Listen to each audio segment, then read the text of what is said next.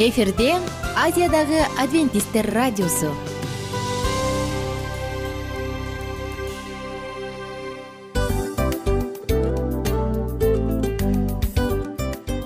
Достор салют.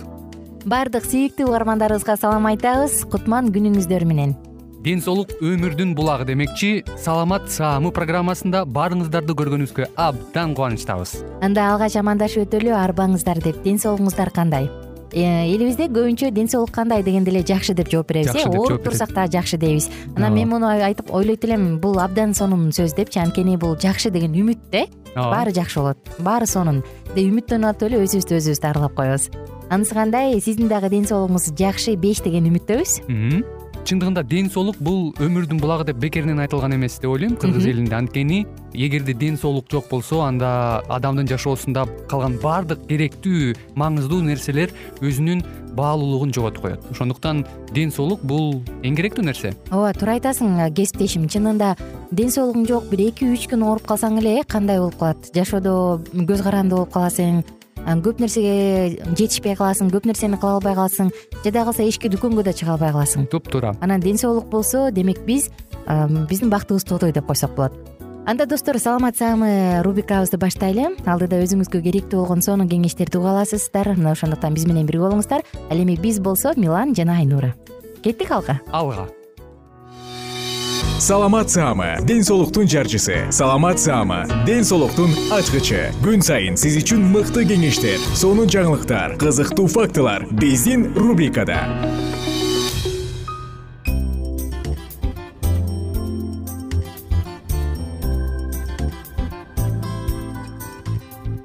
Салют достор кандайсыздар угармандар? Жалпыңыздар менен кайрадан амандашып саламат саама рубрикасындабыз. Жана бүгүнкү темабыз боордун сезгенүүсү деп аталат. Ооба мурунку уктуруубузда биз боор жөнүндө кененирээк маалымат алганбыз. Эмне болгон орган кандай функцияны аткарат деп жана албетте мурунку уктуруубузда дагы боорду тазалоочу сонун бир соктун рецеби менен бөлүшкөнбүз. Бүгүн андан ары улантабыз. Эгерде боордо сезгенүү пайда болгон болсо боорду тазалаш керек болсо анда биз бүгүн сизге расторопшанын тундурмасын сунуштайбыз. Расторопша же муну баягы кокот тикен төө тикен деп да коюшат эмеспи. Дал ушул нерсени дал ушул чөптү сиздерге сунуштайбыз. Кыргызстанда абдан көп өсөт. Расторопша бул эмне болуп кетти деп турсаңыз интернет булактарынан издеп көрсөңүз сиздин огородуңузда эле жайнап өсөт. Көрүп алып абдан таң каласыз. Анткени мен дагы бул кайсы чөп кандай болду экен деп издегенде аябай таң калгам. Бизде үйдүн жанында талаада аябай көп өсөт. Көрүп алып ай ушул расторопша турбайбы ушунун ушунчалык зор касиети барбы деп аябай таң калгам расторопша же кокот тикен төө тикен кандай касиети бар? Баардык чертополохтордун ичинен эң эле кеңири изилденгени ушул кокот тикен төө тикен же расторопша анын боордун клеткаларынын баардыгын кайрадан калыбына келерин. Илим далилдеген караңыздарчы. Өзгөчө токсиндер алкоголь чылым аркылуу ушундан улам организм боор абдан кирденип ууланып калган болсо булардын баардыгын тең расторопши кайра чыгарып тазалаганга жардам берет. Ошондой эле имбирь жана розмарин дагы табигый сезгенүүгө каршы касиети бар азыктар алар дагы боорго жакшы жардам тийгизет. Көңүл бура кетчү нерсе бар. Эгерде өт кургап бараткан болсо анда бул нерсени ичкендин кереги жок. Анткени бул сиздин ооруңузду ого тергүчөтүп коюшу мүмкүн. Расторопшинын тундурмасынын кандай касиети бар? Боорду сактайт коргойт өттүн агып чыгышына тоскоолдук жаратат жана ошондой эле өттү таш борулсо аны дагы сыртка чыгарат тамак сиңирүүнү жакшыртат. Ингредиенттер. Бир порция расторопша тундурмасы үчүн сизге эмне керек? Бир порция эки жүз элүү миллилитр. Бир аш кашык расторопши бир чай кашык имбирь бир чай кашык розмарин жана бир чашка суу. Эми бир чашка сууну кайнатып алыңыз. Кайнатып алгандан кийин баягы оттон алып туруп аны акырындан ага баардык баардык өсүмдүктөрдү бир чай кашыктан кошуп чыгыңыз. Эми аны он мүнөт коюп коюңуз дагы сидадан өткөрүп алыңыз. Татымына жараша бир аз таттуу даам кошуп койсоңуз болот. Бир чашкадан үч жашка чейин күнүнө бир нече жума бою иче турган болуңуз. Андан кийин кайрадан бир жума эс алыңыз анан кайра бир нече жума катары менен ичиңиз дал ушундай ыкма менен сиз өзүңүздүн бооруңузду сактай аласыз. Ингредиенттерин дагы бир жолу айтсам. Бир чай кашыктан баары расторопший имбирь розмарин жана бир чашка суу бир чашка сууну кайнатып алыңыз. Аны оттон алып ага баардык бир чашка бир чай кашыктан тандап алган өсүмдүктөрдү кошуп чыгыңыз. Он мүнөт тундуруп коюңуз дагы анан ситодан өткөрүп алыңыз. Татымына жараша туз же кумшекерби бир нерсе кошуп коюңуз бир нече жума күнүнө бир чашкадан үч чашкача чейин ичиңиз. Андан бир жума эс алыңыз анан кайра ичиңиз. Мындай ыкма менен сиз бооруңуздун сезгенүүсүн алдын алып дарылап жана бооруңузду тазалай кетесиз. Эми болсо достор боорду тазалаш үчүн бульон менен бөлүшсөк бул артишок деп аталат. Артишокту билет болушуңуз керек. Боорду тазалоодо эң сонун ыкма анын курамында цинарин бар болгондуктан ал боордун жакшы иштешин жакшыртат дагы аны кайрадан калыбына келтирет. Өт менен чогуу бул артишок боордон токсиндерди жана башка ар кандай уулуу заттарды чыгарат. Артишок жана сабиз жөнүндө айта турган болсок булардын баардыгы касиети бири бирине окшош жана боорду жакшы сактайт жана сезгенүү процессине каршы мыкты да каражат. Ингредиенттер төрт порция үчүн. Бул бульон экенин эске салалы ошондуктан көбүрөөк жасайбыз. Төрт порция үчүн ар бири эки жүз миллилитрден. Сизге эки артишок керек. Артишоктун сырткы жалбырактарын колдонуңуз. Сөңгөгүн жана жалбырактарын колдонуңуз. Бир пияз орточо көлөмдө эки аш кашык лимон ширеси жана бир литр суу эми артишоктун сырткы жалбырактарын сөңгөгүн баардыгын тең бөлүп бөлүп кошуп алыңыз. Ал эми ортосун болсо өзүнчө катып коюңуз. Пиязды ачып туураңыз. Артишокту жана пиязды он он беш мүнөт крышкасын жаап капкагын жаап жай отто кайнатыңыз. он он беш мүнөт. Сиз алган бульон даяр. Эми ага лимон ширесин кошуп туруп күнүнө бирден үч чашкага чейин ичсеңиз болот. Мындай сок өттүн көбүрөөк бөлүнүп чыгышына жардам берет тамак сиңирүүнү жакшыртат холестериндин деңгээлин төмөндөтөт тазалайт жана зара кубалоочу касиетке ээ.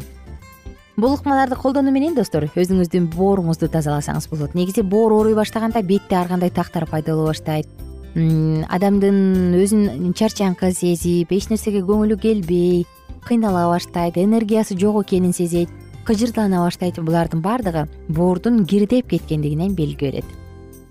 Жана ошондой эле дагы эмнени айтсак болот? Эскертип айта кетели боорунда өтүндө бөйрөгүндө табарсыгында ташы барларга кайсы бир ыкмаларды абайлап колдонушу керек. Колдонулган каражаттардын таасиринен улам кокус таш жылып кетип өт жолдорун тосуп калса карышуу түйүлүү спазма приступ келип чыгат. Анан өмүргө дагы коркунуч туулуп калышы мүмкүн. Ошондуктан кандай гана ыкманы колдонбоңуз сөзсүз түрдө биринчи дарыланып алыңыз бир сыйра карап алыңыз анан өзүңүзгө кам көрүңүз. Достор эми кеттик. Биз болсо саатыбызды жыйынтыктачу учурдабыз. Бүгүн дагы бир нерсени айта кетсем. Кечинде бир стакан сулууну сырдалган идишке салып бир литр кайнак сууга чылап коюңуз. Эртең менен ал идиштин ичинде ысык суусу бар башка идиштин ичине салып мисалы мискейге бир саат кайнатыңыз анан муздатып сүзүп алсаңыз болот. Сүзгөндө сулуунун кайнатмасы бир литрден азаят. Андыктан тундурма бир литр болгудай кылып үстүнө кайра кайнак суу кошуңуз. Анан беш маал жүз элүү граммдан ичип турсаңыз болот. Мындай рецепт он алты жаштан жогорукуларга сунушталат. Боорду тазалаңыз анткени бул биздин организмдин фильтри. Организмде топтолгон баардык уулар токсиндер бактериялардын баардыгы тең. Дал ушул боор аркылуу тазаланат фильтрленет өзүңүздүн ден соолугуңузга кам көрүңүз жана оорубаңыз. Кайрадан амандашканча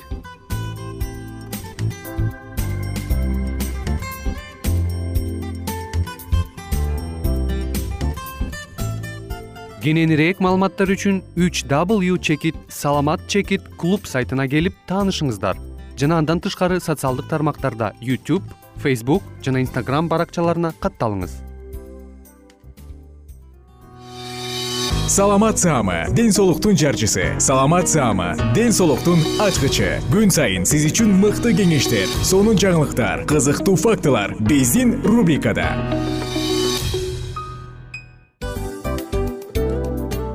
салам достор. Кайрадан биздин сүйүктүү рубрикабызга кош келиңиздер деп айтмакчыбыз. Баардык замандаштарыбызга арбаңыздар деп саламыбызды айтабыз. Улуу ушундай бир э, урматтаган учурашуу менен анан дил маек радио баракчабызга чакырабыз. Негизи дил маек биздин рубрикабызда эмне жөнүндө кеп кылабыз бул дил маектин мааниси эмнеде рубрикабыз менен кичине тааныштырып кетсеңиз. Сөзсүз түрдө тааныштыра кетейин. Кесиптешим суранычы боюнча бул учурда бул радио баракчада биз ар тарап кесип ээлеринен сонун кеңештерди алабыз сүйлөшөбүз сырдашабыз. Аталарыбыздын эжелерибиздин апаларыбыздын кеңештерин угабыз айтор.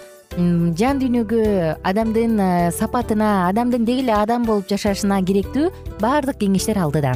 Негизи э, дил маек дегенде баягы эки адамдын ортосундагы сырдашуу кенен сүйлөшүү. Негизи эле биз адамдар бири бирибиз менен бир жерге жай жерге отуруп алып өзүнчө тынч э, жашоо жөнүндө өмүрүбүздө эмне болуп атканын бөлүшкөнү жакшы көрөбүз э адамдар. Ооба туура айтасың анан мындай учурга кээде убакыт да жетпей келет э? Же болбосо сырыңды кайгыңды муңуңду кубанычыңды айткың келет а адамга ишенбешиң мүмкүн. Ооба. А бул радио баракча угармандарыбыздын чыныгы досу анткени бизден алган кеңеш сиздин жашооңузга чоң жардам берет.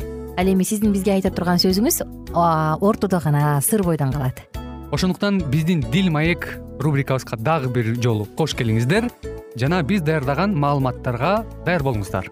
Айнура жана милан сиздер менен бирге алдыга кеттик ар түрдүү ардактуу кесип ээлеринен алтын сөздөр жүрөк ачышкан сыр чачышкан сонун маек. Дил маек рубрикасында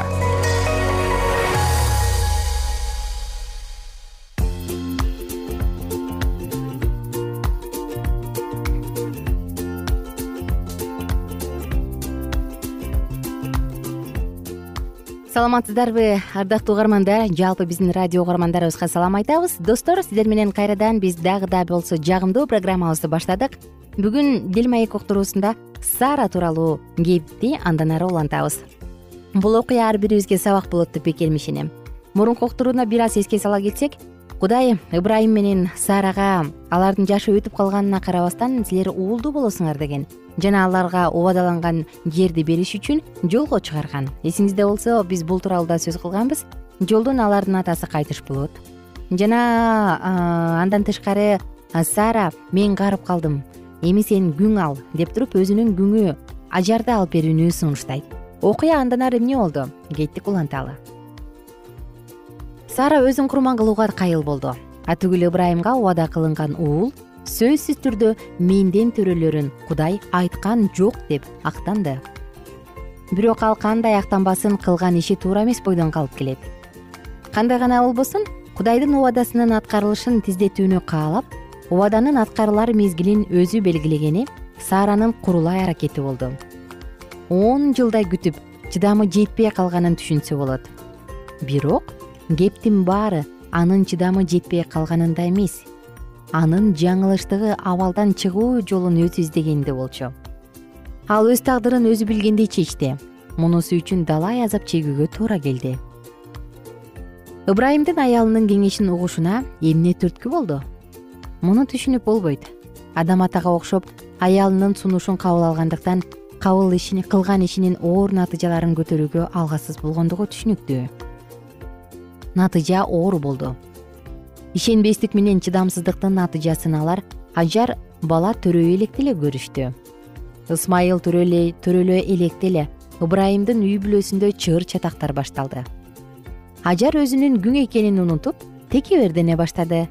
Сара болсо бул кара ниет планды ишке ашыруу демилгеси өзүнө таандык экенин унутуп койду. Кудайдан алыстоо аны өзүнүн ким экенин билүүгө жана тобо кылууга алып келген жок. Тескерисинче ал күнөөнү күйөөсүнө жаба салды. Кемсинтилген саара ажарды кысымга ала баштады. Ал аны катуу кысымга алгандыктан буга кудай кийлигишпесе ажар өлүп калмак. Саара өз жашоосунан улам кудайга болгон ишенимин жоготкондо. Кыйроого дуушар болорун адам алдын ала көрө албай калаарына көзү жетти. Сааранын жеңишке жетем деген үмүт менен кетирген убактысы текке кеткен убакыт болду. Библияда кудай ыбрайымга кайрадан сүйлөгөнгө чейин арадан он үч жыл өтүп кеткендиги айтылат. Эмне деген убакыт? Караңызчы он үч жыл. Ыбрайым күтүүсүздөн келип калган конокторду жан дили менен сыйлап жатты. Сара тамак аш белейин деп жатты. Бирок конокторун ыбрайым тейледи анткени чыгыштын салты боюнча бул эркектердин иши эле коноктордун бири. Аялың саара кайда? деп сураганда сара алардын сөзүнө кулак түрүп калды. Эрксизден эле ал чатырдын оозуна жакын келди. Булар кимдер? Алар сааранын атын кайдан билишет?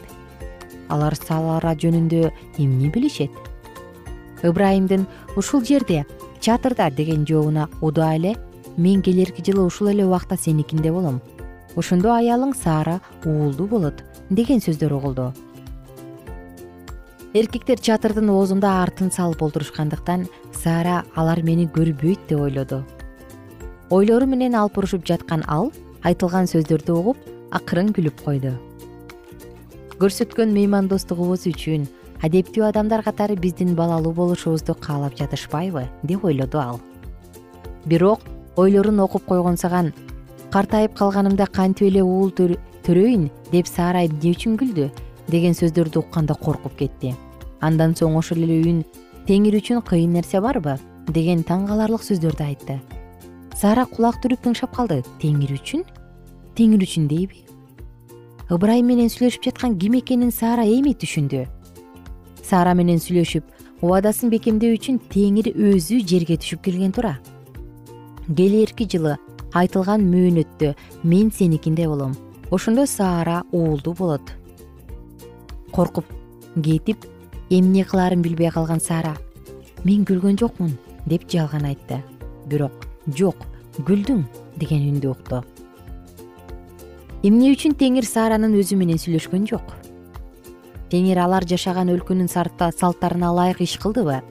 Же бир аз убакыт мурда өз убадасын дагы бир жолу эскерткенде аялына окшоп ишенбей күлгөнүн ыбырайымга эскерткиси келдиби? Ыбырайым да саара мага бала төрөп берет деген үмүтүн үзүп койгон эле. Ал ысмайылдын төрөлгөнүнө ыраазы болуп кудай аны кабыл алды деп ойлогон. Бирок кудай убадаланган уул саарадан төрөлөрүн ачык айткан. Мунун далили катары ал алардын ысымдарын өзгөрттү. Ыбрам кең пейил ата деген ысымдын ордуна ал ыбрайым көп элдердин атасы деп атала турган болду саарага болсо мырзайым деген маанини берген саара деген ат коюлду. Эркектердин сүннөткө отургузулуусу кудай менен түзүлгөн келишимдин белгиси болуп калды.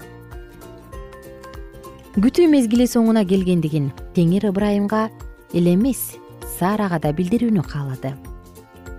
Бир жылдан кийин кудай белгиленген мөөнөттө саара ыскакты төрөдү. Анын аты күлкү дегенди билдирет. Бул атты ага кудай өзү койду. Кудайдын айтканына ишенбей анын ысымынан кийин койгон суроо белгисин кудай илеп белгисине айландырып койгондугун бул ысым анын ата энесине дайыма эстетип турмакчы.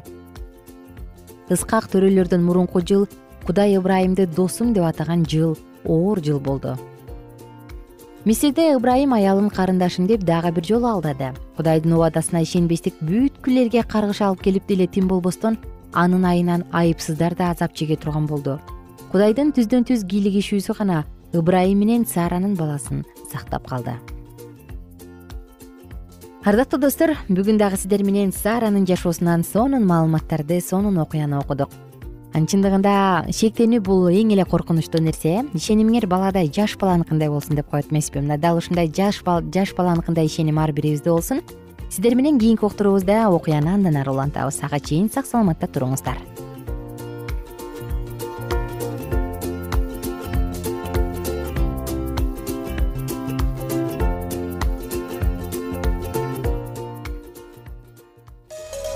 Ар түрдүү ардактуу кесип ээлеринен алтын сөздөр жүрөк ачышкан сыр чачышкан сонун маек дил маек рубрикасында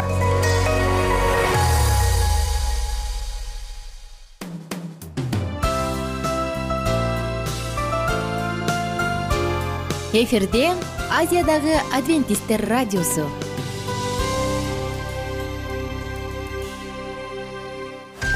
Жан дүйнөңдү байыткан жүрөгүңдү азыктанткан жашооңо маңыз тартуулаган жан азык рубрикасы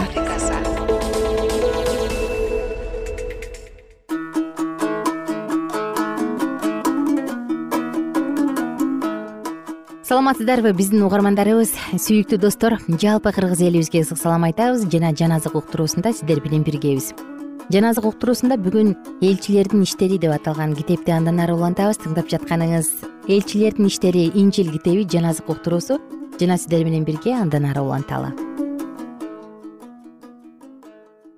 Элчилердин иштери тогузунчу бөлүм. Отуз алтынчы аяттан ары жапа шаарында табита деген шакирт аял бар эле. Бул ысым жейрен деп которулат. Ал көптөгөн жакшы иштерди кылчу жакырларга көп жардам берчү. Ошол күндөрдө ал ооруп өлүп калды. Анын сөөгүн жууп жогорку бөлмөгө жаткырып коюшту. Лидда шаары жапа шаарына жакын болгондуктан шакирттер петирдин лиддада экенин угуп бизге тезинен кел деген өтүнүч менен ага эки кишини жиберишти петир алар менен жолго чыкты. Ал келгенде аны жогорку бөлмөгө киргизишти. Жесир аялдардын баары ыйлап петирге келишти да ага табитанын тирүү кезинде тиккен көйнөктөрү менен кийимдерин көрсөтүштү. Петир алардын бардыгын сыртка чыгарып жиберип тизе бүгүп сыйынды. Анан маркумга бурулуп табита ордуңдан тур деди. Ошондо табита көздөрүн ачты. Петирди көрүп өйдө болуп отурду петир колун сунуп аны тургузду да ыйыктар менен жесирлерди чакырып аларга өлүп кайра тирилген аны көрсөттү. Бул окуя бүт жапага белгилүү болду. Ошондо көптөгөн адамдар теңирге ишенип калышты. Петир бир нече күн жапада шыман деген булгаарчыныкында болду. Элчилердин иштери онунчу бөлүм кейсарияда италиялык аскер тобу деп аталган аскер тобунун корнелий деген жүз башчысы бар эле. Ал бүт үй бүлөсү менен кудайдан коркуп жашаган элге көп жакшылык кылган дайыма кудайга сыйынган такыба адам эле. Бир күнү күндүзгү тогузунчу саат чамасында ал көрүнүш көрдү. Көрүнүштө ага кудайдын бир периштеси ачык көрүндү. Ал периште анын үйүнө кирип ага мындай деди корнелий ал болсо аны көргөндө коркуп кетип эмне дейсиң теңирим? деди. Периште ага кудай сенин сыйынууларыңды жана жакырларга кылган жакшылыктарыңды эсине алды жапага кишилерди жиберип петир дегенде ысым коюлган шыманды чакырт. Ал деңиздин жээгинде жашаган шыман деген булгаарчыныкында конокто. Ал сага өзүңдү жана бүт үй бүлөңдү куткара турган сөздөрдү айтып берет деди периште алыстап кеткенден кийин корнелий өзүнүн кызматчыларынын арасынан эки кызматчыны жана өзүнүн жанында жүргөн бир такыба аскерди чакырып аларга баарын айтып берди да аларды жапага жиберди. Эртеси күнү алар жол жүрүп отуруп шаарга жакындап калышканда алтынчы саат чамасында петир сыйыныш үчүн үйдүн үстүнө чыкты. Ошондо ал ачка болуп тамак жегиси келди тамак даярдалып жаткан убакта ал көрүнүш көрдү. Ошол учурда ал ачылган асманды жана өзүн көздөй түшүп келе жаткан бир идишти көрдү. Ал төрт бурчу байланган дасторкон сыяктуу эле. Анын ичинде жер үстүндөгү төрт аяктуу ар түрдүү жаныбарлар сойлоп жүрүүчүлөр канаттуу куштар бар эле. Ошол жерден ага мындай сөз айтылды. Петир ордуңан туруп буларды союп же бирок петир мындай деди жок теңир мен эч качан арам же таза эмес нерсе жеген эмесмин ошондо ага экинчи жолу мындай үн угулду кудай тазалаган нерсени сен таза эмес деп эсептебе бул үч жолу болду. Ошондон кийин идиш кайрадан асманга көтөрүлүп кетти.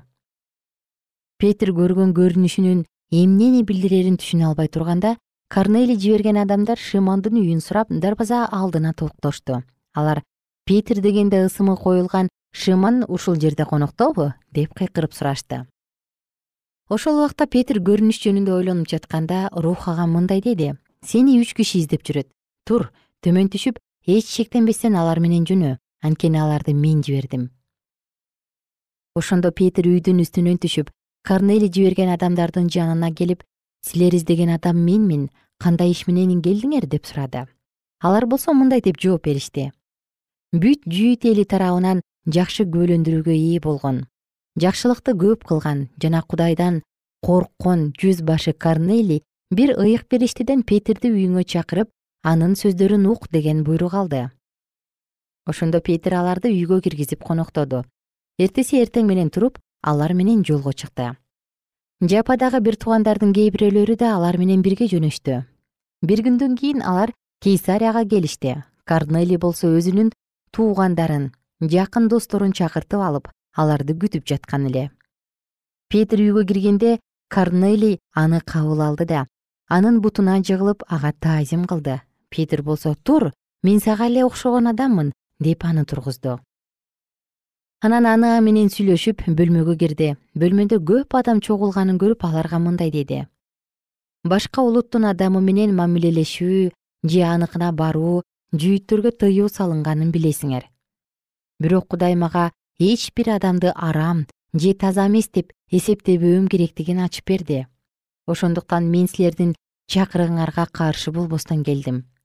Эми силерден сурайын мени эмне себептен чакырттыңар эле? Ошондо корнелий мындай деп жооп берди. Мындан төрт күн мурун ушул убакытта орозо кармап тогузунчу саатта өзүмдүн үйүмдө сыйынып отургам ошол маалда жаркыраган кийим кийген бир адам бет алдыма келип турду да. Корнелий кудай сенин сыйынууңду укту жакырларга кылган жакшылыктарыңды эсиңе алды. Жапага киши жиберип петир деген да ысым коюлган шыманды чакырт. Ал деңиз жээгинде жашаган булгаарычы шымандын үйүндө конокто деди. Ошол эле замат мен сага кишилерди жибердим. Сенин келгениң жакшы болду. Азыр биз бардыгыбыз. Кудай сага эмнени буйруса ошонун бардыгын угуш үчүн кудайдын алдында турабыз.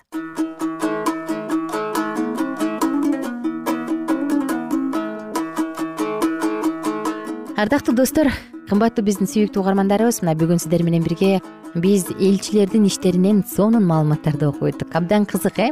Кудай мен тазалаган нерсени сен арам дебе дейт караңыздарчы анысы кандай жаратуучу адамдын улутуна адамдын социалдык абалына карабастан баардыгын бирдей сүйөрү бул ушул жерден дагы көрүнөт. Сиздер менен убактылуу коштошобуз. Кийинки уктуруудан кайрадан амандашканча.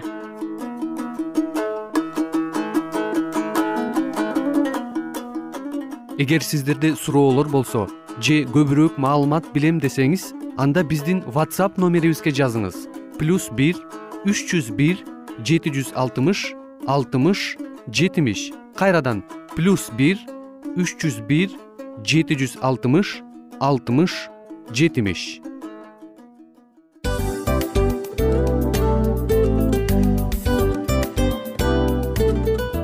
Достор биздин радио баракчаларыбыз соңуна келди. Демек бул программабызды дагы жыйынтыктаочу учур келдик.